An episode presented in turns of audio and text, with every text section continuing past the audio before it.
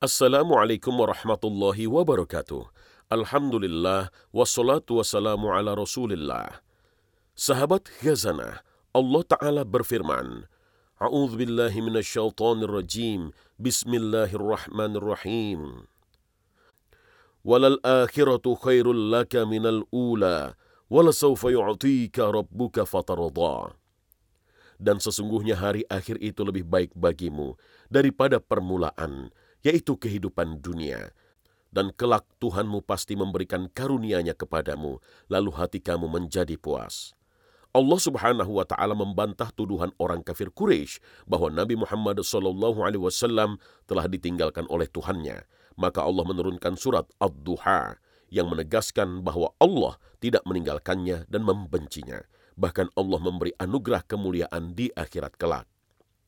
Sementara kehidupan dunia itu hanyalah kesenangan yang menipu. Dalam surat Al-Hadid ayat 20, Allah menjelaskan tentang kehidupan dunia. Ketahuilah bahwa sesungguhnya kehidupan dunia ini hanyalah permainan dan suatu yang melalaikan, perhiasan dan bermegah-megah antara kamu, serta berbangga-banggaan tentang banyaknya harta dan anak, seperti hujan yang tanam-tanamannya mengagumkan para petani. Kemudian tanaman itu menjadi kering, dan kamu lihat warnanya kuning, kemudian menjadi hancur. Dan di akhirat nanti ada azab yang keras dan ampunan dari Allah serta keridoannya, dan kehidupan dunia ini tidak lain hanyalah kesenangan yang menipu. Kebanyakan manusia terlalu sibuk dengan dunianya, padahal kehidupan dunia itu fana dan kenikmatannya akan hilang.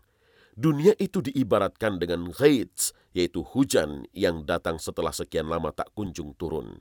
Air hujan telah menumbuhkan berbagai tanaman hingga kita begitu takjub. Padahal tanaman itu yang awalnya menghijau dan enak dipandang, berubah menjadi menguning, kemudian kering dan hancur.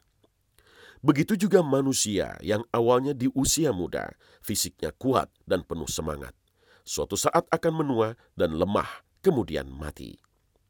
Rasulullah Shallallahu Alaihi Wasallam adalah orang yang paling zuhud terhadap dunia. Sebagaimana hadis riwayat Imam Tirmizi, Rasulullah tidur di atas tikar, kemudian beliau bangun. Sedangkan di tubuh beliau terdapat bekas tikar.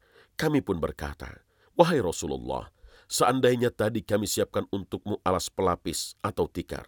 Beliau pun bersabda, apalah artinya untukku semua yang ada di dunia ini. Tidaklah diriku berada di dunia ini, melainkan bagai pengendara yang berteduh di bawah sebuah pohon. Kemudian ia pergi dan meninggalkannya. Inilah dunia di mata Rasulullah, tak bernilai dibanding kehidupan di akhirat yang penuh dengan kenikmatan dan karunia Allah. Lalu bagaimanakah kita memandang dunia saat ini? Jika kita meyakini bahwa kehidupan akhirat lebih baik, maka kita tidak akan menyia-nyiakan kehidupan di dunia, kecuali untuk memperbanyak amal soleh sebagai bekal untuk akhirat kelak. Wassalamualaikum warahmatullahi wabarakatuh.